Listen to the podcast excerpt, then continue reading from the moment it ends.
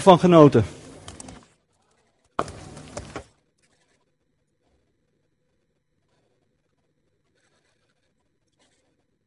Wat is het toch fijn om in een nieuw verbond te leven door Jezus Christus. Moet je voorstellen dat wij nu gewoon de voorrecht hebben naar Jezus geboren te zijn.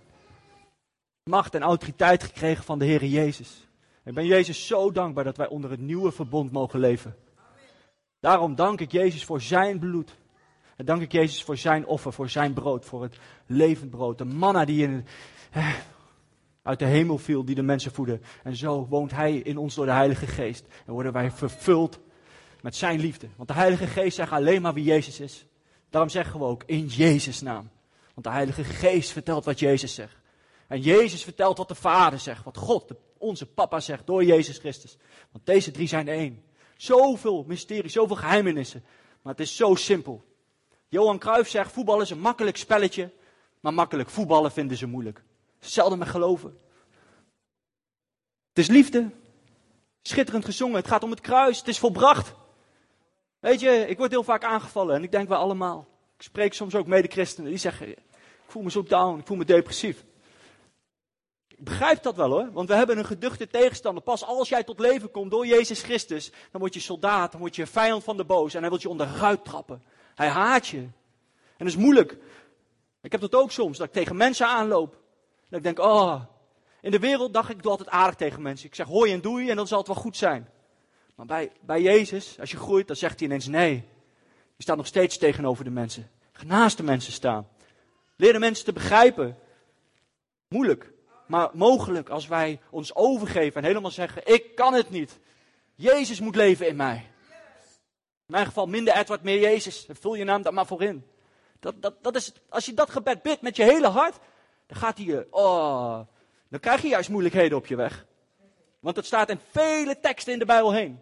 Ik vind het zo mooi. Daarom heb ik uit mijn, hoofd geleerd. In, in, in, in Jacobus hoofdstuk 1, meteen de eerste vers, staat: Wees blij als je beproefd wordt. Want daardoor zal je geloof krachtiger, groter worden. Door geduld zal je geloof volwassener worden. Ik snap ineens waarom de Bijbel zegt, waarom David in de psalmen zo loopt te klagen, maar elke keer zegt, maar dank u Heer, u gaat hoe dan ook de weg banen. Ik dank u, ik kan niks zonder u.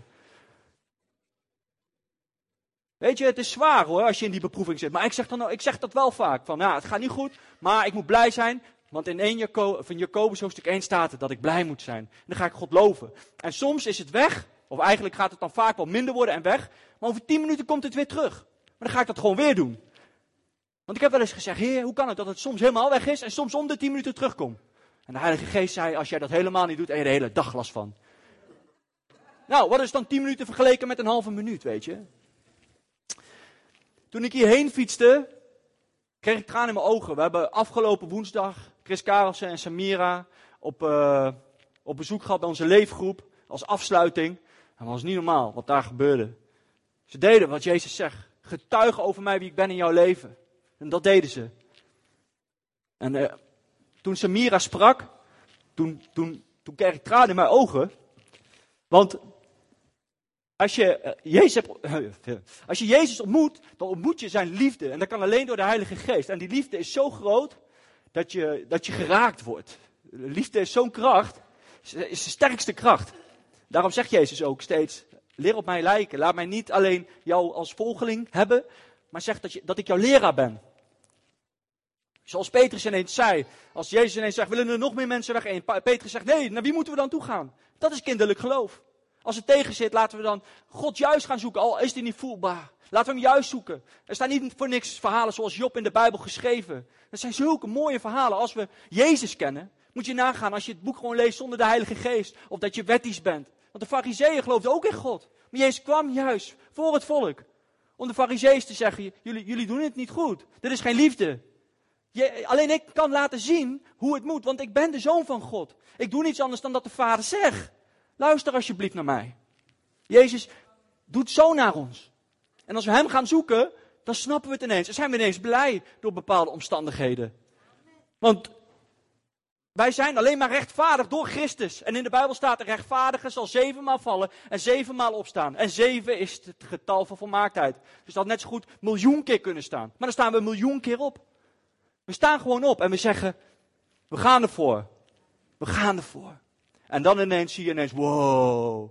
Weet je, de Satan die weet dat hè. Daarom vind ik Matthäus 4 zo mooi. Jezus wordt gedoopt, hoort uit de hemel de stem van God. Ik hou van jou, je bent mijn geliefde zoon, zijn papa. Als een duif komt de Heilige Geest. En ineens gebeurt er iets wat we eigenlijk toch niet kunnen begrijpen. Als je eerst jouw papa zegt, ik hou van jou. En dan word je naar de woestijn gestuurd. En dan 40 dagen is die, heeft hij geen eten. Hij krijgt, hij, hij krijgt de kans van de vijand. Oh, hier kan je toch eten van maken? Hij zegt nee. En dan nog komt niet meteen zijn vader, komt niet meteen God. En dan nog twee keer toe wordt hij dan beproefd. In totaal drie keer. Maar door zijn standvastigheid, woem, werd zijn geloof nog sterker. Zag hij in omstandigheden dat hij het niet meer aankon, dat God altijd op tijd kwam. Ik had het niet voorbereid, maar ik ga het delen. Dat is, uh, ik denk al wel meer als een ja, nee, in maart. Van Ferry Cotedini sprak, uh, sprak toen hier. En ik, ik weet, ik heb hem gezien op de verandering, dat die gast echt zo vol vuur is. Van een junk, van een dealer tot een grote godsman. Dus ik ging expres op de straat vragen, lieve Heilige Geest, laat mij nu de junkies zien en iedereen, en laat mij vertellen dat ze moeten komen naar de kerk. Ik heb helaas niemand gezien, maar ik heb wel lopen getuigen over Jezus. En mensen hadden oren, omdat ze zeiden, ja echt? Ja echt? Dus wie weet wat dat bewerkstelligd heeft. Maar één jongen ben ik kort daarna weer tegengekomen. En hij bleek van, uh, van huis uit gelovig te zijn. Dus ik gaf hem uh, een Bijbel, want die had hij niet meer.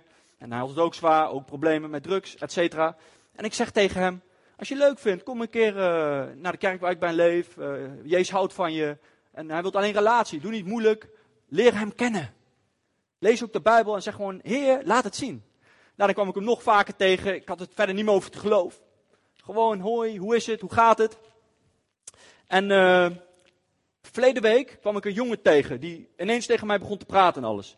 En ik dacht, oké heer, geef mij een ingang hoe ik over u kan vertellen. Want ik voelde dat ik hem iets mocht vertellen over de Heer. En ineens, want mijn zoontje liep naast mij, hij zei, oh ik kan goed op mijn taal letten hoor, want ik heb bij Defensie gezeten. Ik dacht, oké, ik zei, weet je hoe ik heb geleerd om mijn taal te letten? Toen ik tot geloof kwam vier jaar geleden. Doordat ik aangeraakt werd door Jezus. En nou op mijn taal kan letten, omdat ik op hem wil lijken. Dat vond hij heel interessant. En verleden week was hij ook hier even geweest, was hij ook gekomen. Maar voordat hij hier gekomen was, bleek hij een halfbroer te zijn van die jongen. Waar ik over vertelde. En van de week liep ik door de stad, door de straten. En die jongen die zag mij. Nou, vaak als hij mij ziet, maakt hij een praatje, want we kunnen het goed vinden. Maar hij loopt ineens op mij af. Hij zegt, ik moet je wat vertellen, ik moet je wat vertellen. Hij was helemaal enthousiast. Ik zeg, wat moet je mij vertellen? Ik zeg, uh, vertel. En hij vertelt mij, ik heb gevangen gezeten dit weekend. Ik zeg, oh, ja, onterecht. Ik, ik werd verdacht voor diefstal, maar ik heb niks gedaan. Ik zeg, oh, wat verdrietig, hè? Ik zeg, ja, maar ik had jarenlang niet gebeden. En ik heb gebeden en de volgende dag werd ik vrijgelaten. Ik wou van alles zeggen, maar ik dacht, is niet wijs. Het enige wat ik had gezegd, God komt nooit te laat. En toen ben ik weggelopen, want ik was ook vol. Ik wou helemaal meteen, oh, weet je wel. We hebben wijsheid van God. Soms zijn wij zo vol en dan moeten we ook leren luisteren. Um, mijn schoonmoeder, wat ook mijn mentor is eigenlijk, die mij heel veel wijsheden meegeeft, die zegt ook, als God aan jou vraagt alleen een glas water te geven, lijkt het mooi om nog meer te geven. Maar God zegt niet voor niks, geef alleen een glas water. Zeg ik dat goed? Ja.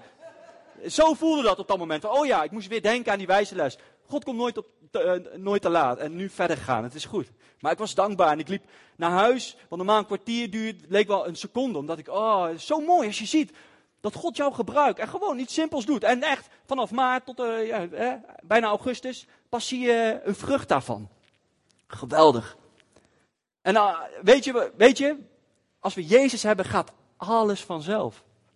Ik geloof daar echt in. Ik geloof, als wij, als wij alleen maar opkijken naar Jezus. Ik heb het meegemaakt toen ik naar een conferentie was afgelopen mei. Ik was naar een conferentie gegaan in afgelopen mei en uh, Benny Hinn sprak daar. En het was echt ja, was echt heel mooi. Want wat gebeurde er? Benny Hinn zei op een gegeven moment, heel simpel in de aanwezigheid van de Heer te komen. Ik voelde al dat ik er al was, maar ineens ging die worshipen. En echt twee seconden, ik, ik weet niet wat er gebeurde, maar oh, ik weet niet hoe lang ik heb gestaan, maar ik dacht, oh, meer Heer, meer Heer, meer Heer. Het was zo mooi. En later ging hij nog een keer spreken op een avond. En ja, we weten allemaal, als Benny Hinn uh, dingen doet, mensen uh, worden geraakt door de Heilige Geest en er gebeurt van alles. Maar ik stond daar en ik voelde zoveel aanwezigheid van de Heer, dat ik niet weet hoe lang ik heb gestaan. Ik was samen uh, met Gerda, die had mij meegenomen als cadeautje. Echt top. Echt lief. En, en ik stond daar te aanbidden En op een gegeven moment deed ik mijn ogen open. Ik zag alleen paars. Ik weet niet waarom, maar ik zag alleen paars toen ik mijn ogen dicht had. En ik dacht, wauw heer. Geen, niks meer. Alles ging vanzelf. Ik was in die intense vrede. Zo dicht bij de Heer. Oh, ik voelde Jezus. En ik had geen eens behoefte om te kijken wat er gebeurde. Ik wist geen eens of er wat gebeurde. Ik was helemaal weg. Ik was gewoon helemaal in de aanwezigheid van de Heer. En toen, uh, helemaal en toen ik ook mijn ogen keek ik. En het leek alsof ik als enigste stond. Dus ik dacht, oh, snel zitten, weet je wel. En toen gingen we naar huis, of ja, we gingen naar de auto lopen naar huis. En Gij zegt ook, al oh, was het mooi, ja? Ik zei, ja, was mooi. Ze heb je gezien? Matthäus, Ben Fitzgerald, Jean-Luc en nog meer. Allemaal vielen ze en uh, kracht van God. Ik zeg, ik heb helemaal niks gezien. En Gij zei terecht, ja, waar was je? Ik zei, op een veel betere plek. En het gekste van alles is, dat ik ook daar natuurlijk op had verheugd. Van, wat gaat God doen? Ik wil dat zien. Maar nu, maakt me helemaal niet uit. Ik heb het uh, uh, toevallig teruggekeken. En, en ik zag inderdaad van alles gebeuren. En ik dacht, ja, heb echt helemaal niks meegekregen. Dat is zo mooi. Als je helemaal op Jezus richt, gaat alles vanzelf. Dan maakt het gewoon niet meer uit. En daarom is het zo, zo, zo vervelend als we in ons gevoel gaan zitten. Wat ik echt wel herken soms hoor. Maar dat is de grootste strijd van de mens. Ik bedoel, we leven in de wereld, maar we zijn niet van de wereld. En als we om ons heen kijken, zien wij altijd dat er dingen gebeuren. Vanochtend liep ik met mijn zoontje en hoor ik een moeder keihard gillen tegen een kindje. Toen dacht ik, oh heer, bescherm me ervoor dat ik dat alsjeblieft niet doe tegen Jordana. Ik oordeel niet, het kan mij ook overkomen. Maar omdat ik met Jezus wandel, vallen die dingen mij op. En soms lijkt het ook wel dat me soms dingen opvallen. En die moet ik op de juiste manier begrijpen. Want tegenstander, die kan je ook soms wijsmaken van, ja, dat, gelukkig niet in mijn geval dat ik dat vandaag heb gedaan, maar kan mij gebeuren. En dat de tegenstander zegt, ja, dat heb jij ook gedaan. Hè? Vervelend, hè? Herkennen we allemaal verschillende situaties. Daarom moeten wij wandelen met Jezus, luisteren naar zijn zachte stem. Want Jezus houdt zoveel van ons dat hij iets heel bijzonders zegt tegen zijn discipelen na de voetenwassing. Uh, zo mooi in Johannes 13. En in vers 34 en 35 deelt Jezus iets. En dat is niet zomaar iets. Moet je goed luisteren. Ik geef jullie een nieuwe wet. Houd net zoveel van elkaar als ik van jullie. Als jullie veel van elkaar houden, zal iedereen kunnen zien dat jullie mijn leerlingen zijn. Vraag Jezus dit op een manier van vraagteken? Nee, hij zegt in deze vertaling, ik geef jullie een nieuwe wet. En als we de Bijbel lezen, lezen we ook, heb God lief boven alles en je naast als jezelf. En dit lijkt wel in het nieuw verbond Ineens dat, dat, dat God de opdracht geeft aan zijn zoon, die alleen maar doet wat de vader zegt dat hij moet doen, want hij is Gods zoon, hij is in contact, hij is zondeloos. Hij verstaat daarom God zo goed, hij is helemaal gericht. Heilige Geest werkt in mij.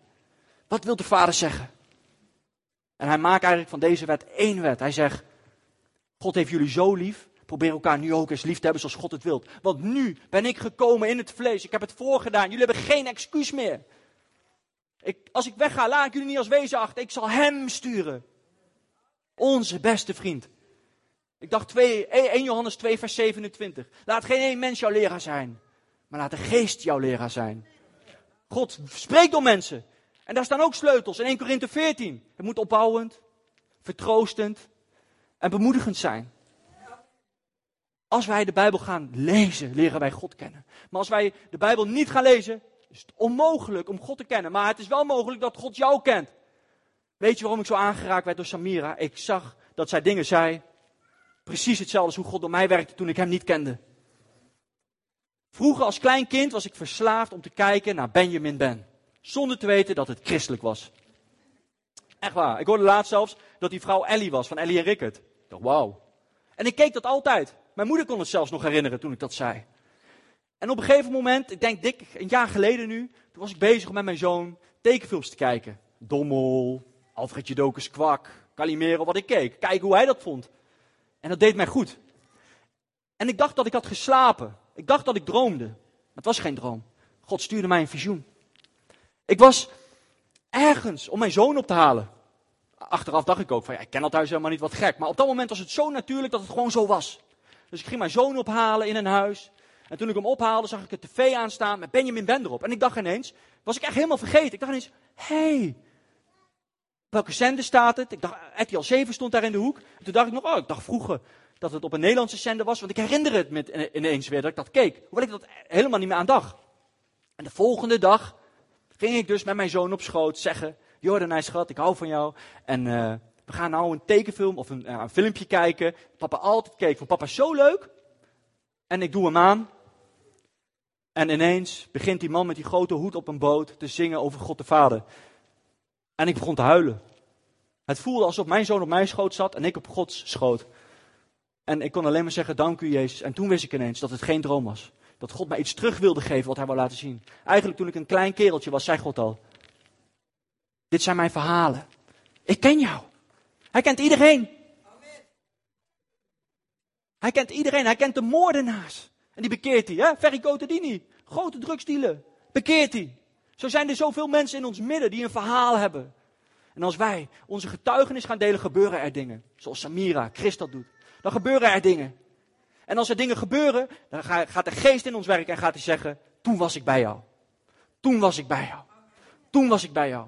De eerste persoon die mij meenam naar de kerk waren mijn opa en oma. En toen mijn opa stierf, heeft mijn oma gevraagd, wil jij de mist, want het was een katholieke kerk, leiden. En mijn opa was duivenmelker.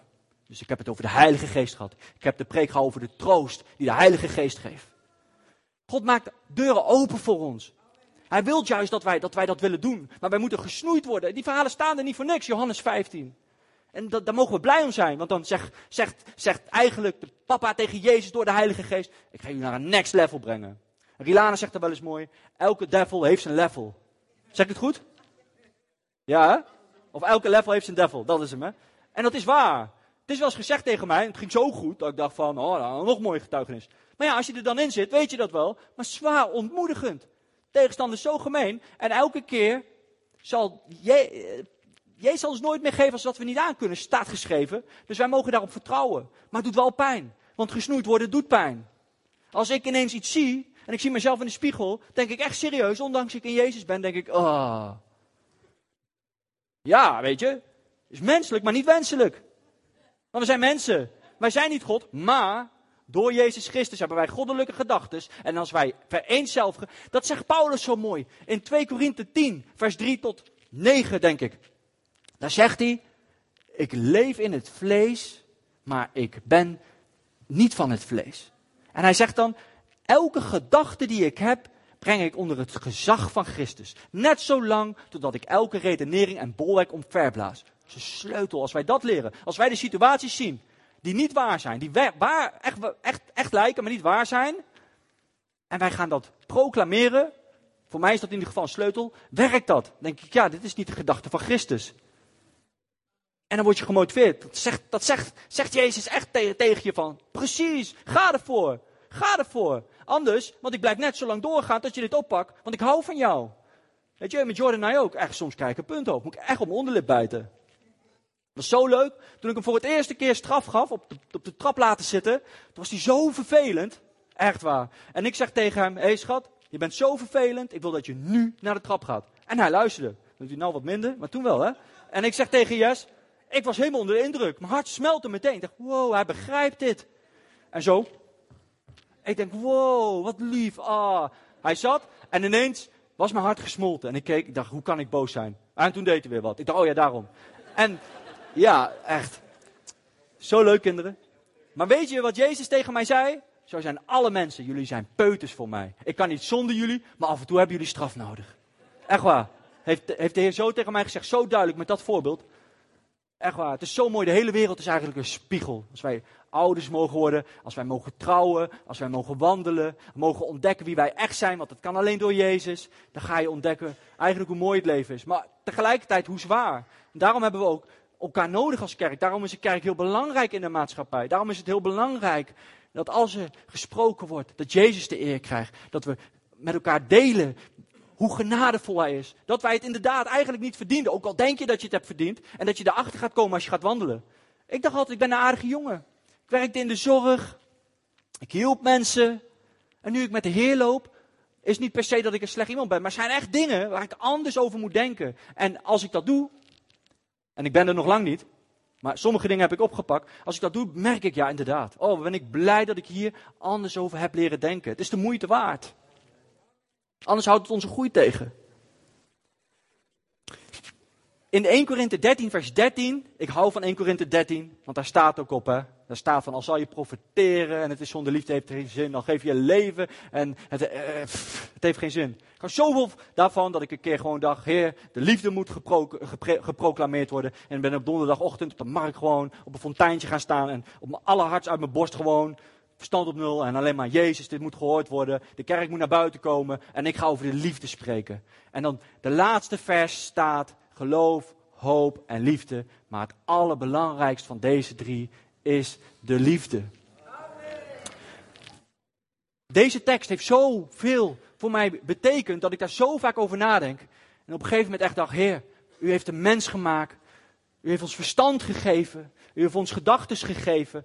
U heeft de liefde verzonnen. Hoe kan ik dan tegen God zeggen, nee, zo wil ik het doen, want dat is beter. Of ja, nee, zo moet ik met mijn vrouw omgaan, want dat is beter. Nee, zo moet ik met mijn zoon omgaan, want dat is beter. Maar door deze tekst onder andere is mijn gebed, Heer, samen met mijn vrouw bidden we dat wel eens, wij kunnen niet een goed huwelijk hebben. Daarom zijn wij getrouwd onder uw gezag, zodat u betrokken bent in het huwelijk. En leer mij van Jessica te houden en Jessica van mij, hoe u dat wilt. Laat elkaar tegemoet komen. Want huwelijk is heel zwaar, vooral voor de mensen die gelovig zijn.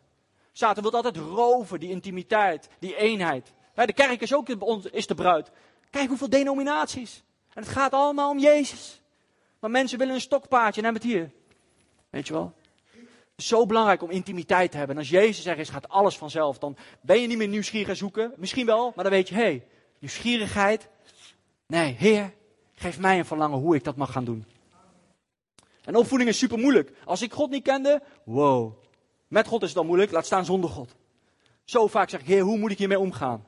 En ik word zo vaak gered voor een foutje door de lieve Heilige Geest. Ik heb zo vaak zin om hem even een draai om de oren te geven, omdat hij me de bloed onder de nagels vandaan had. Maar dan zegt de lieve Heilige Geest tegen mij, Edward, daar krijg je spijt van. En dan doe ik het niet. En daarna ben ik zo blij, dan knuffel ik hem gewoon. En eigenlijk knuffel ik hem dan namens Jezus, omdat ik zeg, Jezus, dank u wel. Zo heerlijk om te wandelen met God. En dit zijn maar een paar dingetjes, er is nog veel meer. God heeft alles bedacht.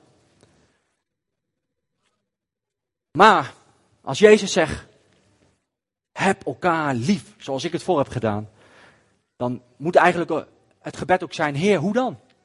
En dan ga je erachter komen dat een christelijk motor drijft op liefde. De energie, de batterij van het christelijk geloof is liefde. Vandaar ook de eerste liefde die heel bekend is. Dat als God ons aanraakt, dat we helemaal in zijn eerste liefde zijn en niet meer anders kunnen dan alleen maar, wie is Jezus? Wie is Jezus? Wie is Jezus? Heb ik ook meegemaakt en ik hoor dat vaak. En daarna pas gaat God vaak aan ons sleutelen. Hij wil eerst ons winnen door zijn liefde. Dat als hij wat doet wat wij niet begrijpen, dat we weten we kunnen niet meer zonder hem. Dit doet hij vast niet voor niets. Hebreeën 2 vers 17 staat iets heel interessants. Daar staat, daarom moest Jezus in alles helemaal gelijk worden aan de mensen. Alleen zo kon hij een trouw hoge priester worden voor God. Een hoge priester die de mensen helemaal begrijpt. Ik weet het ook niet hoor, maar als ik dit lees, dan denk ik, wow, God, u bent zo liefdevol. Dat u zelf zei tegen uw zoon, ga naar de wereld. Dan zou je ze begrijpen waarom ik zoveel van de mensen houd. En Jezus begreep het. Want ik heb een keer eigenlijk zonder dat ik het wist een vraag uitgeschreeuwd naar God en die heeft hij pas een jaar later beantwoord. Daarom, ik snap de Bijbel ook soms niet, maar ik weet wel dat God nooit liegt. En dat de Bijbel trouw is. En daarom dat staat, Heer, in mijn hoofd kan ik zelfs bewijzen dat het niet klopt, maar ik lieg altijd. Dus wilt u het me laten zien? Want ik ga nooit in tegen uw woord. Het is mijn fout dat ik het niet begrijp. Maar ik wil dit begrijpen. Weet je wel?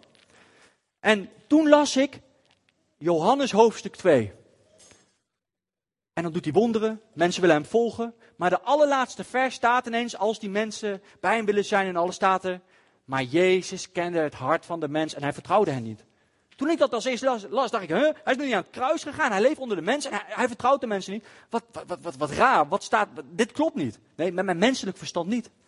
Maar toen zei God, weet je wat jouw fout is, Edward? En niet alleen van mij, misschien lopen meer mensen daar tegenaan. Jij kijkt nog steeds met jouw menselijke ogen. Jezus laat die zien. Hij stond niet tegenover de mens. Hij wist, dit moet ik doen om er wat van te kunnen maken voor de mens. En wat deed hij? Hij ging naast de mens staan. Jezus wil niet tegenover jou staan, hij wil naast jou komen staan.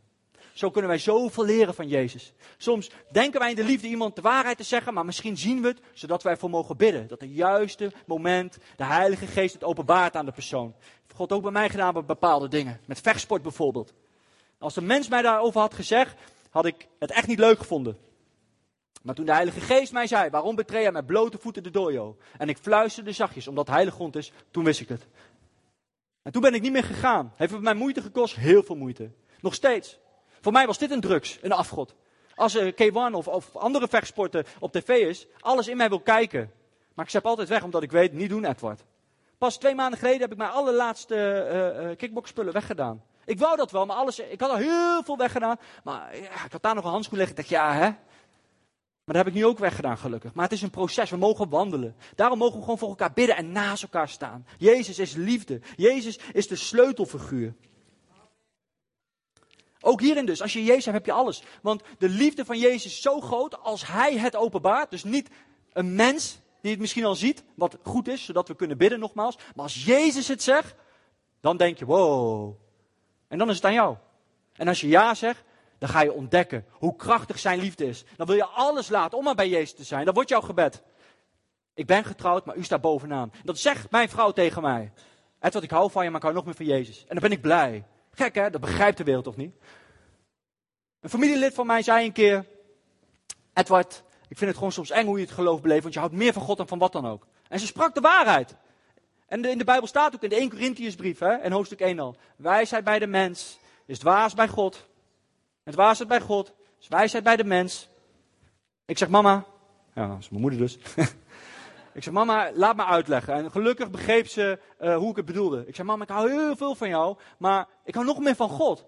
En God heeft mij gered. Ik zat in de put en ik voelde zijn liefde. Zijn liefde is zo groot dat, ik, dat hij op nummer 1 staat. En als ik hem op nummer 1 sta, want God is alles. Behalve egoïstisch. Dus als ik hem op de eerste plek sta, zet, ben ik een nog betere man voor Jezus. Dus het is winst-winst situatie. En zo is het in elke situatie. Als God zegt stop daarmee, dan is het wijs om ermee te stoppen. En als het niet meteen lukt, is God zo genadig, dan klopt hij wel weer op aan je hart. Maar ja, misschien heb je vertraging, dat weet ik niet. Maar God is liefde. Hij zal nooit zeggen, nu ben je niet meer welkom hier. Zoals mensen soms kunnen doen. God wil dat we naast elkaar gaan staan. Hij wil zeggen, de wereld voor Jezus. Ik ben de waarheid. Hij zegt, hè, Johannes 14, ik ben de weg, de waarheid en het leven. Niemand komt tot mij. Naar de Vader. Hij is de weg naar de Vader. Ik heb het wel eens verteld in een YouTube-filmpje. Dat als we in de auto zitten, rijden we op die snelweg naar de plek waar we heen moeten. We kijken op de bordjes, zodat we het weten. Tegenwoordig het navigatiesysteem. Maar die hebben we nodig om op de plek te komen waar we moeten zijn. Maar als wij Jezus hebben, nogmaals, hebben wij alles. Hij is de weg. Hij vormt jou naar de persoon die jij bent. Dan ga je overvloedig leven. Dan is er geen armoede. Het is geen welvaart-evangelie, want hij zegt ook: ja, je zal beproefd worden, je moet blij zijn. Bergreden, als je uitgelachen wordt, geroddeld wordt, jaloers wordt, wees dan blij. Ook weer, wees dan blij, want de profeten zijn je voorgegaan. Want ik heb nog iets veel beters voor jou wat de wereld niet begrijpt. Je gaat erop uit, je gaat op avontuur. Je gaat aan mensen vertellen over mij. Je gaat vertellen, dit kan je doen, wat kan ik doen? Demonen uitdrijven, handen op de zieken leggen, het evangelie verkondigen. En ik heb het om niets gegeven aan jou, geef het ook om niets. Vertrouw mij, ook in je financiën. En misschien moet je wel onder de brug slapen en dan ga je huilen. En dan ineens komen daar drie tieners, verdrietig naar je toe. En dan snap je waarom jij onder die brug sliep. En dan bid je met ze. En dan breng je ze tot de Heer. En dan ben je een zegen voor hun. In elke omstandigheid is God, ook al zien wij het niet. Zelfs Jona werd machtig gebruikt door God, omdat hij niet luisterde. De hele schip kwam tot geloof. Bis Jona niet, want hij was er al uit. Nog een walvis wordt hij opgegeten, wordt hij uitgespuugd. Nou, als ik een walvis zie op Scheveningen, dan denk ik dat heel veel met mij kijken. En dan komt er ook nog eentje uitgespuugd. En dan zegt hij, ik moet wat zeggen namens God. God kan alles. Hij spreekt door ezels. Hij gebruikt walvissen. Hij spuugt ze uit om Nineveh te redden. Om jou te redden. Om de wereld te redden. Jezus staat naast ons. En daarom is het gevaarlijk als wij tegen het woord van God ingaan. Levensgevaarlijk. Tactiek van de Satan. Niet goed. Weet je waarom dat niet goed is? Als wij dicht bij Jezus blijven en alles in Hem geloven, omdat Hij ons opdraagt, heb een kinderlijk geloof, is ook dit. Soms spreek ik christenen die een Thomas-evangelie hebben gelezen of, of andere dingen. Ik, ik, ik zal nooit iemand veroordelen hierover, nooit. Maar als het niet in de Bijbel staat, Weet ik gewoon zeker, want God eh, maakt geen misverstanden. Alles wat in de Bijbel staat, dat wil God dat gelezen wordt. Einde van Johannes staat ook, als, er zijn nog meer wonderen teken door Jezus gedaan, als dat opgeschreven zou zijn, poeh, te veel. God weet precies wat hij heeft opgeschreven. Precies omdat de Heilige Geest perfect is. Geen mens is perfect, maar hij is perfect. als wij Jezus kennen, dan begrijpen we Genesis tot openbaringen. Hele Oud Testament is Jezus. Jezus zegt ook, jullie hebben de wet van Mozes, maar zelfs dat geloven jullie niet, want hij heeft over mij geschreven. Jezus is het levend woord. Hij is de manna, het brood. Hij, hij is alles. Hij is liefde. Hij is oh, genade. Hij wilt ons hebben. Hij wil niet dat wij verloren gaan. En daar kunnen wij voor zorgen als we naast de mensen gaan staan. Als mensen zeggen, ik wil naar de kerk, niet alleen voor de koffie, maar omdat de mensen luisteren naar me, eh, mijn verstaan in mijn noden. Zoals Henk en Everdien ook zich inzetten, zich geroepen voelen. En daarom ook iets deelden. Als jullie op je hart krijgen om te helpen. Wauw, wat een christelijke daad. Maar je moet daar wel echt voor bidden. Soms kunnen wij iets doen wat christelijk lijkt, maar niet christelijk is. Denk aan Joshua en de waterdragers. Ander verhaal dus. Maar goed, de Bijbel is het levend woord. God heeft geen vergissing gemaakt. Alles wat in de Bijbel zit, dat is belangrijk. Ik hoef niet het boek van Enoch te lezen. Ik hoef niet andere boeken te lezen, want het staat niet in de Bijbel. Wat in de Bijbel staat is waar. En God spreekt wel. Soms snap ik dingen ineens omdat de Heilige Geest sprak. Ben je schatgraven. De Bijbel is het mooiste, het is het goud, het is het hart van God op papier. En Jezus wordt echt. Jezus staat daar gewoon. Je bent ineens aan het huilen, je bent ineens aan het bladeren. Hé, dit heb ik eerder gelezen op andere manier. Weet je, de priesters deden vroeger offeren met twee vogels. Een kruik van klei en met water erin. Eén vogel moest geslacht worden in die kruik met water en de andere werd vrijgelaten. Weet je wat ik geloof? Betekent nog veel meer, maar ik geloof dat de mens hè, als een vogel symboliseert. Of ik bedoel, de Heilige Geest, Jezus, noem het maar op. En dat die kruik is, is, is de mens, ben jij, hè, van klei. In het water is het stromend water, wat dood nog is. Er moest geofferd worden. En het bloed bracht water in, die, in, die, in dat water. En toen werd die andere vogel erop uitgestuurd. Dat kan ik niet zelf bedenken. Dat is gewoon. En dat gaat nog veel dieper. Maar dit heb ik toen een keer ontvangen. Ik denk, ja, we zijn erop uitgestuurd door het offer. Ons, ons klei komt tot leven wanneer wij in Jezus zijn. Wanneer we dus de Bijbel begrijpen. En Paulus, een grote godsman, vertelt ook iets. In, meteen al in de eerste hoofdstuk van Galaten. Laat dit tot je doordringen, want dit is heel belangrijk.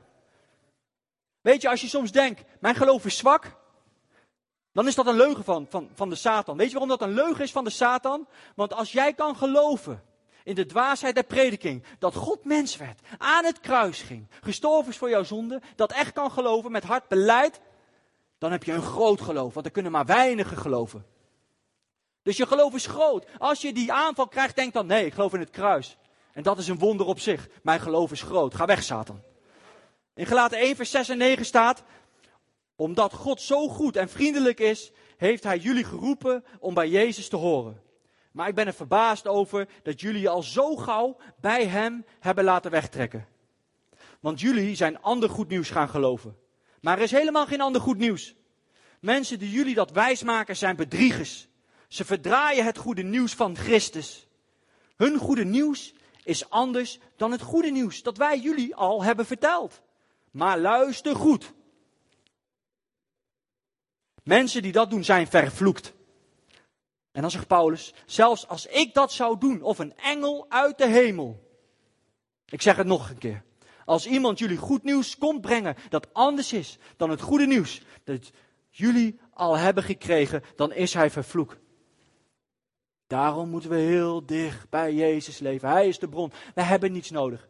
Weet je, wanneer een bediening de hoogste eer krijgt, van, oh, ik moet, ik moet toch, oh, ik moet toch, oh. Hè? Herkennen we misschien, kan ook met sport zijn. Wat boven Jezus komt, wordt het een afgod.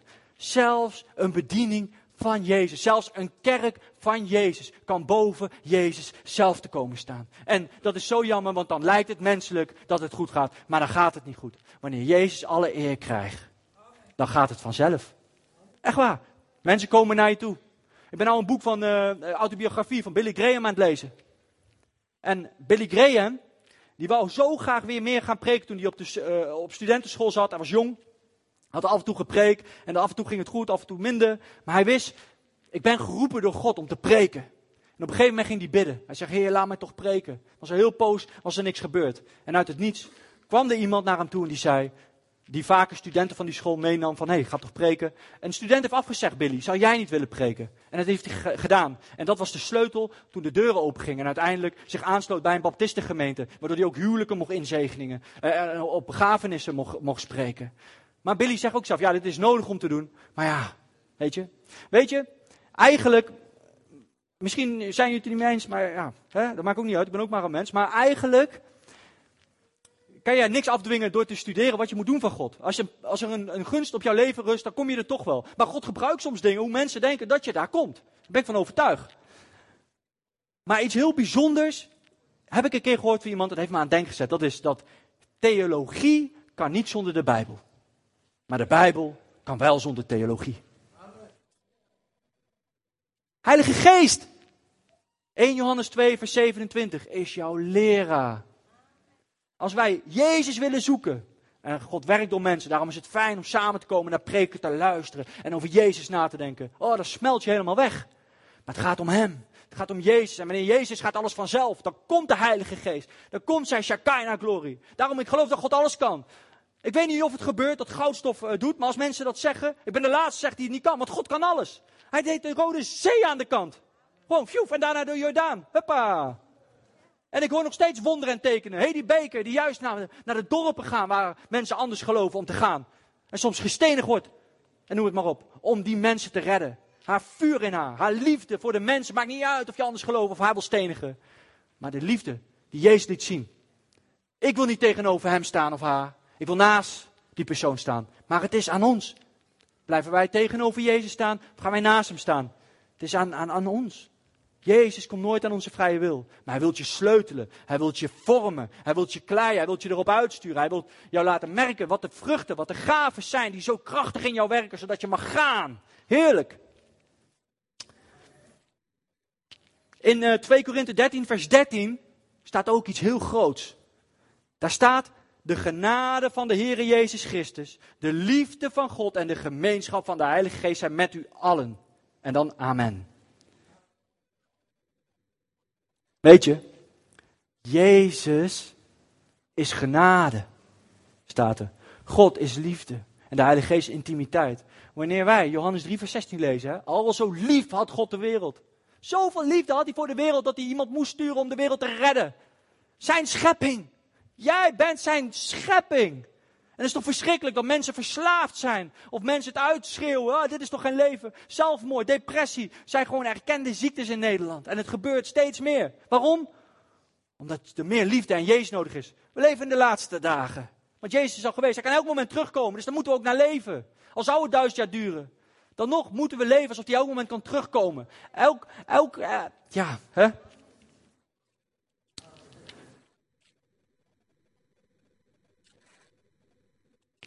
In 1 Korinthe 14, vers 3 staat er wat ik net al zei. En dat is zo mooi. En soms schaam je misschien dat je een droom hebt gekregen voor iemand. Of een woord van wijsheid hebt gekregen. Of dat de Heilige Geest echt duidelijk je indruk geeft. En dat je denkt, nee, dat ga ik niet zeggen. Dat vind ik zo raar. Misschien met een gek geluid of een plaatje dat je echt zelf denkt, kan ik niks mee. Maar het is belangrijk om dat toch te doen. Want misschien heeft die persoon dat juist nodig. Daarom is het belangrijk om elke geest te toetsen. Maar als de Heilige Geest gaat spreken om elkaar op te bouwen, nogmaals. En dan staat dus in 1 Korinthe 14, vers 3, vers 3 staat. Maar als je profiteert, zeg je dingen die het geloof van de mensen opbouwen. Het moedigt hen aan en spreekt hun moed in. We hebben elkaar soms nodig om weer moed te hebben. Weet je? Gisteren zijn we ook de straat op gegaan, zijn we super bemoedigd door elkaar. We hebben allemaal hele lieve woorden tegen elkaar gezegd. Zo fijn, waardoor je ook weer benzine krijgt voordat je de straat op gaat. Mensen begrijpen ons soms niet. Die denken, wat zijn ze raar. Maar dat is goed. Als je de Bijbel kent, dan denk je, oh, wat een, wat, wat een compliment.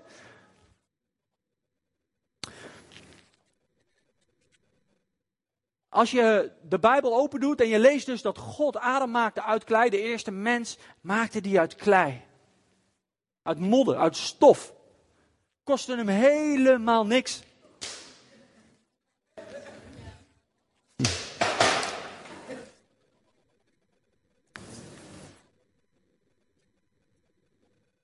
Het kostte hem helemaal niks. God spreekt en het is er.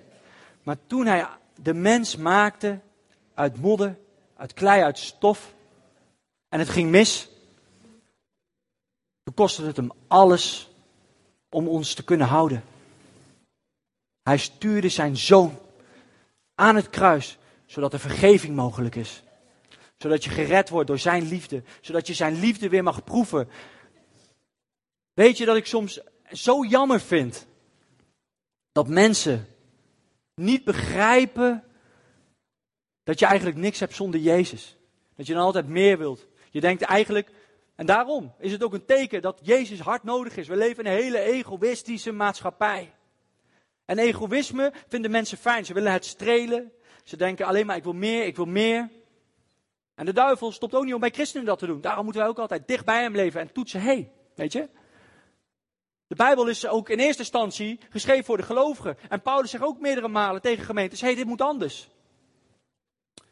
Wij mogen ook een stukje van Christus laten zien aan onze buren en onze wijk. En in de kerk elkaar bemoedigen. Misschien mogen we vaker bij de Heer, ik zie dit, dit is er aan de hand, ik bid daarvoor voor openbaring. Help die persoon. En dat weten we allemaal, maar doen we het. Als Jezus op een gegeven moment ook zegt, want de stem van God kunnen we alleen verstaan door de kracht van de lieve, lieve Heilige Geest. En de Heilige Geest, dat vind ik zo erg, krijgt soms niet de ruimte. Tongen spreken, woe. Weet je, tongen spreken is een groot cadeau. Want het is niet aan een ander gegeven, het is voor jezelf, zodat het je opbouwt, je bemoedigt. Een gesprek is tussen jouw geest en God. Eigenlijk is het kinderlijk geloof. Ik weet niet wat ik zeg, maar het is goed, want u hebt dit aan mij gegeven. En dan, dan vertrouw je God gewoon als een kind. Zeg gewoon, ik weet niet wat ik zeg, maar het is goed, want het is uw taal.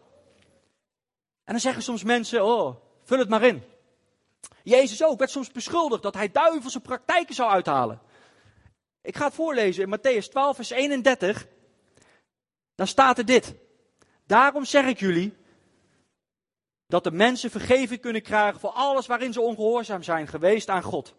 Maar als iemand expres de Heilige Geest beledigt, zal God hem dat niet vergeven. Als iemand de mensenzoon beledigt, dan zal God hem dat vergeven. Maar als iemand expres de Heilige Geest beledigt, dan zal God hem dat niet vergeven. Niet nu, in deze wereld, en niet later, in de wereld die nog komen gaat. er staan heel veel sleutels waarom. Maar ik heb gekozen voor Efeze 4, vers 30. Daar staat, en bedroef de Heilige Geest van God niet, door wie u verzegeld bent tot de dag van de verlossing. Alleen als we de Heilige Geest onze leraar laten zijn, dan pas weten we wie God is, wat zijn stem is. Dat God de God is van de Bijbel. Die zegt, ik heb een zoon en alleen hij is de sleutel om weer tot mij te komen. We hebben Jezus nodig. Minder religie, meer Jezus, hè, wordt er geschreeuwd. Hè? En dat is waar. Soms vinden wij bepaalde dingen zo belangrijk dat we vergeten dat dat niet het belangrijkste is. Het belangrijkste is Jezus. Een keertje zei iemand tegen mij, die was mij gewoon ook aan pesten. Die zegt, Edward, weet je, ik leef gewoon mijn leven. En als ik dood ga en ik wil naar de hemel, dan moet jij maar komen. En dan wil ik geloven in Jezus. Ik zeg, als je dat echt meent, doe ik dat. En dan vond hij gek voor antwoord. Ik zei, maar weet je, wat zo jammer is? Dan ben jij net zoals die misdadiger aan die kruis. Die op een gegeven moment zei, Jezus, denk aan mij. En Jezus zei, vandaag nog, zou je met mij paradijs ingaan? Deze misdadiger kon niet knielen. Deze misdadiger kon ook niet gedoopt worden. Maar hij werd wel iets beloofd.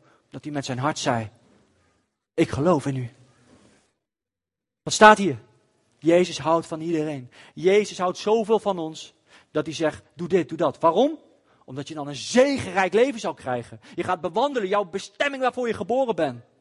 Dan krijg je te komen met bepaalde dingen, maar je weet wat je eraan moet doen. Daarom hebben we elkaar nodig om elkaar te steunen. Niet tegenover elkaar, maar naast elkaar. Daarom ben ik soms blij dat ik dingen heb mogen meemaken, dingen heb mogen doen.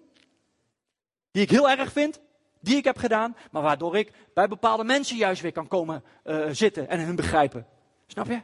En zo hebben we allemaal een verhaal. En kunnen wij groot zegen zijn voor elkaar. Want dat wil God. Daarom wil God door ons heen werken naar anderen. Om relatie weer te bouwen. Om elkaar lief te hebben. Jezus, Jezus, Jezus. Dat is het.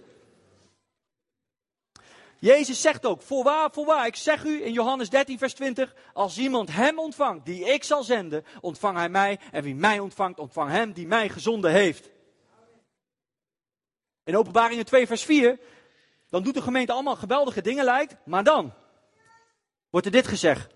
Maar ik heb tegen u dat u uw eerste liefde hebt verlaten. De eerste liefde is de motor Toen ik aangeraakt werd door Jezus, moest ik huilen, kon ik niet droog laten. Omdat ik wist, oh, ik dacht dat ik wist wat liefde was. Maar nu weet ik dat ik niet weet wat liefde is. Dit is pas liefde. En ik hunker ernaar. En ik wil, ik wil, ik wil meer van u, minder van mij. Leer mij toch te wandelen. Niet 30, niet 60, maar honderdvoudig vrucht wil ik dragen. Ik wil niet blijven steken. Maar dan gaat gesleuteld aan je worden. En dat doet pijn. Als wij die eerste liefde steeds niet vergeten en weten waar wij vandaan komen, dan kan het alleen maar dat we naast elkaar gaan staan. Zo simpel is het geloof. Waar kwam ik ook alweer vandaan? Oh ja. En dan zie je misschien een straatschoffie daar stoer doen. Met een, met een joint of noem het maar op. En dan neem je toch de moeite als je geraakt wordt. Weet je wel. Om erheen te lopen en gewoon zeggen: hé hey, gast, hoe gaat het? Ja, goed, dit en dat. En dan vraag je gewoon al: hoe kan ik over Jezus beginnen? En ik heb nog nooit meegemaakt dat ik niet een, een, een, een, een mogelijkheid kreeg. Ik kreeg altijd de mogelijkheid. En serieus, een keertje hoorde ik ruzie en de ramen stonden open. En toen zei het ging gewoon zingen. En ik had toch mijn zoontje bij me. Dus ik deed net dat ik voor mijn zoontje deed. Maar ik deed het voor dat huis. En ik zong. Toen ik in de put zat, trok hij mij eruit. Weet je? Ja, ik geloof. Ik ben gewoon heel creatief. Geloof is simpel. Als een kind. Ik weet niet of het, of het, of, of het wat heeft uitgemaakt. Maar stel je voor dat het wat heeft uitgemaakt. Dan mocht ik wat betekenen. Ik, ik, ik doe dat gewoon. Ik hou van Jezus. En als je zo van Jezus houdt, dan, dan doe je soms dingen die raar zijn. Dan denk je, heb ik dat gedaan? En dan ga je erachter komen dat we niet zonder liefde kunnen. Ik wil zo gaan eindigen met een hele mooie gedachte. In Matthäus 10, vers 8 staat een opdracht aan de discipelen van Jezus. En Jezus zegt tegen hun: Genees de zieken, reinig malaatsen, werk doden op, drijf demonen uit. U hebt het voor niets ontvangen, geef het voor niets. Maar die gaat veel verder. Als wij de Bijbel leren kennen, het gaan eten, gaan mediteren, dan is het niet een boek, maar het is een levend woord. Nogmaals, het hart van God op papier, die tegen ons wil spreken. Door de Heilige Geest. Want wij kunnen het niet begrijpen anders. En dan zegt de Heilige Geest. Waarom moet de ziekte weg, bij een lichaam van God? Omdat we een tempel zijn. En als wij het evangelie gaan brengen en bewijzen, want God brengt de macht en kracht en tekenen eraan af, dan gaan we zeggen, mag ik voor je bidden? En ik geloof, als Jezus zo echt wordt, dat die dingen echt gebeuren. Ik heb het ook gezien. Waarom het soms niet gebeurt, ik weet het niet. Maar het, het is mogelijk en het is de opdracht. En dat is ook goed als je die verlangen voelt, dat je gaat zoeken. Hè? Oral Roberts ook. Twaalf jaar toen hij al in de bediening zat, toen bouwde hij niet meer. Hij dacht, ik heb de stem van God gehoord, dat ik handen op de zieken zou leggen. Waarom gebeurt er niks? En dat was het. Hij ging vasten. Hij wilde sterven aan zichzelf. En God sprak tot Oral Roberts weer. En elke keer als zijn rechterhand onder vuur kwam of onder elektriciteit, dan wist hij, nu kan ik demonen verjagen, alles. Soms verstaan wij misschien de stem van God niet. Soms wil God met ons in gesprek, maar vragen we niet het juiste. Wordt er ons gedachtenleven, ons leven geblokkeerd. Soms is het daarom ook goed om te vasten. Want vasten is niet alleen om je te vernederen, het is ook om te voelen hoe zwak je bent. Dat je nog meer God nodig hebt. En dat God kan laten zien hoe sterk hij is, juist in jouw zwakte. En dat hij dan nog makkelijker tot je kan spreken, omdat je meer bewust bent om bij hem te zijn. Dus als wij een tempel van God zijn, dan gaat, het, dan gaat die ziektes weg. Daarna zegt hij reinig melaatse. En dat vind ik zo jammer. In de Basic Bijbel wordt melaatse weggelaten. Ik denk omdat de vertaling misschien denkt dat het hetzelfde is als leg hand op de ziekte. En dat begrijp ik. Maar als wij in Leviticus 13, vers 45 en 46 lezen, dan staat er dit. De kleren van de melaatse, bij wie de ziekte is vastgesteld, moeten ingescheurd worden. Zijn hoofdhaar moet hij los laten hangen. Hij moet zijn baard en snor bedekken. En hij moet roepen, Oh, moet je nagaan. Je moet dan zelf roepen, onrein, onrein naar alle mensen. En dan vers 46. Alle dagen dat hij de ziekte heeft, zal hij onrein zijn. Onrein is hij. Hij moet afgezonderd wonen. Buiten het kamp moet zijn woongebied zijn. Dat is nog onder de wet van Mozes. Afgezonderd. Afgewezen. Zeg het tegen de mensen, ik ben onrein, ik ben het niet waard. Jezus zegt, ik ben gekomen voor de verloren schaap. Je leeft onder een nieuw verbond. Laat de laatste bij mij komen. Laat de afgewezen mensen bij mij komen. En ik bid dat leeft de gemeente. En eigenlijk voor de hele gemeente in de wereld. Maar ja, je moet, je moet, je moet soms klein beginnen. En ik bid in ieder geval voor de gemeente hier. Dat de afgewezen mensen, de junkies, de prostituees. Noem het maar op, de mensen die geen plek hebben in de maatschappij. Weten, bij Jezus is er plek. En dat ze komen naar leven. En de warmte van ons mogen voelen. Dat we naast hun gaan zitten. Ook al stinken ze. En gewoon over Jezus hebben. Van fijn dat je hier bent. Jezus houdt van je man, kan een kop koffie voor je pakken. Dat doet mensen zo goed. Dat ze niet meer achterom hoeven te kijken. Of om eten moeten schooien. Maar dat wij iets zien en dat kunnen helpen. Dat we ervoor bidden. Dat we niet dingen gaan doen omdat het christelijk lijkt, maar echt doen omdat God het van jou vraagt. Want anders kan je ook afgemat worden dat je te veel gaat doen. Daarom moeten we ook als een team functioneren. En Jezus zegt dat, hè, Matthäus 11, vers 28, laat de belasten bij mij komen. Laat ze bij mij komen. En er werd al geprofiteerd. En dat is zo mooi, hè. Als je de Bijbel leest, dan zie je Jesaja 61, hè. Daar staat het volgende. Als, als, als, als Jezus voor het, eerst, voor het eerst optreedt in de synagoge in Lucas 4. En hij kondigt zijn bediening aan. De geest van God rust op mij. Hij heeft mij gezal, uh, gebracht om het goede nieuws, of gezalfd, tot brengen van het goede nieuws aan hen die lijden en onderdrukt worden. Mensen met een gebroken hart troost te geven. Mensen die geboeid zijn los te maken. Mensen die gevangen zitten vrij te laten. Om te vertellen dat de genade van God is gekomen. Wie is dat? Werd geopenbaard honderden jaren later in Lucas 4. Jezus is gekomen voor deze mensen, de gevangenen vrij te zetten. En dat kan de wereld niet geven. Dat kan alleen Jezus. Zijn liefde. Met Jezus heb je alles. En dan zeg je met eh, Corrie de Boom, ik en mij Jezus kunnen alles. Dat is een mooi gezegde. Wek doden op. Jezus deed het voor dat het letterlijk echt kan, doden opwekken. Maar weet je dat iedereen dood is zonder besef te hebben dat er een papa is die je van oorsprong heeft gemaakt, van oorsprong lief hebt gehad. Al wist toen je geboren was, al wist wat eigenlijk het plan op jouw leven is. En als je nooit tot je bestemming komt. Dat betekent zonde, niet tot je bestemming komen. God zegt, kijk om je heen, weet je. Kijk om je heen. Allemaal dode mensen. Vraag of ze mij kennen. Vraag of ze in iets geloven na de dood. Zo simpel, weet je. Als ik naar jongeren loop en ik zeg, hebben jullie wat met, uh, met het geloof? Ja, klinkt misschien gek, maar vaak vinden ze het helemaal niet gek hoor. Zeggen ze nee of ja, een beetje. Ik zeg nou, hoe zie jij dat dan? Dan zijn ze aan het praten. En dan vraag ik, geloof je dat het leven is na de dood? En 9 van de 10 keer zegt ze altijd ja, ja, ja, ja. Ik zeg, weet je ook waar je naartoe gaat? Nee, nee, ja, ik geloof erin, ik weet niet. Ik zeg, ik weet het wel. Wil je horen waarom ik het weet? En altijd zeggen ze ja. Dan zeg ik gewoon, kom door Jezus. Geen één woord van God is zo krachtig dan het ware woord van God. Overal hè, in de wereld zijn er heilige boeken, heilige tempels, heilige, noem het maar op, allemaal dingen. Maar de Bijbel geeft de sleutel. Nog door kracht, nog door geweld, maar door mijn geest. Omdat ik mijn zoon stuurde aan het kruis. Zijn rechtvaardigheid op jou en jouw zonde heb je gegeven aan hem. Dat is de waarheid. En zo simpel is het. En dan wil ik eindigen. En dan zegt hij: drijf demonen uit. Dit is heel simpel. Als wij vol zijn van Jezus, Jezus is zo echt, dan zijn wij nergens meer bang voor. Dan zijn wij onbevreesde soldaten van Jezus Christus. En het duister zal sidderen, zal bang worden. En er is één bonk licht. Als je ze niet kan bereiken, dan, dan, dan, geeft God wel hele creatieve ideeën. En dan ga je ze bereiken.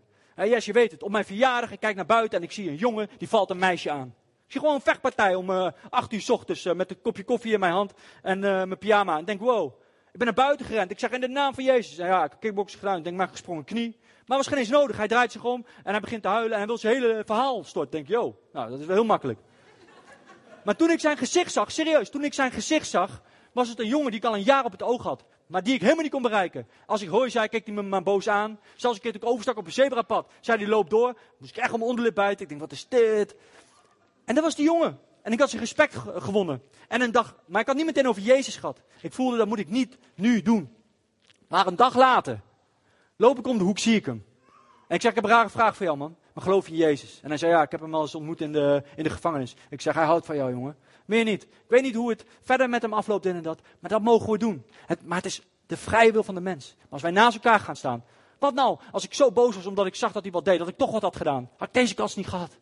Ik ben blij dat het zo gegaan is. Maar God is zo creatief dat dit moest gebeuren om met hem in contact te komen. Ja, yes, hij kwam naar binnen en hij vertelde helemaal bijna huilend zijn verhaal. Hè? Geweldig. En dat doet God. De gekste manieren. Weet je? Maar ik was ook wel een beetje bang. Ik denk, oh, wat gebeurt er nu? Maar wat moet ik? Maar ik ben blij dat ik het heb gedaan. Want liefde verdrijft de angst. En straks uh, ga ik daar ook staan. En uh, nog andere mensen misschien die willen bidden met ons. En dan wil ik vragen, als je geraakt voelt. Of dat je gewoon een gebed op je hart hebt waar je voor wilt laten bidden. Kom dan straks daar in de hoek bij mij of bij iemand anders en, laat het voor je bidden. Want er is niks zo mooi als ook een intieme tijd met elkaar hebben onder gebed. Want Jezus houdt zoveel van ons. Hij wil dat wij onze rotzooi kwijtraken. Want die ben je eigenlijk al kwijt in Jezus. Maar dat we dat ook gaan geloven. Amen.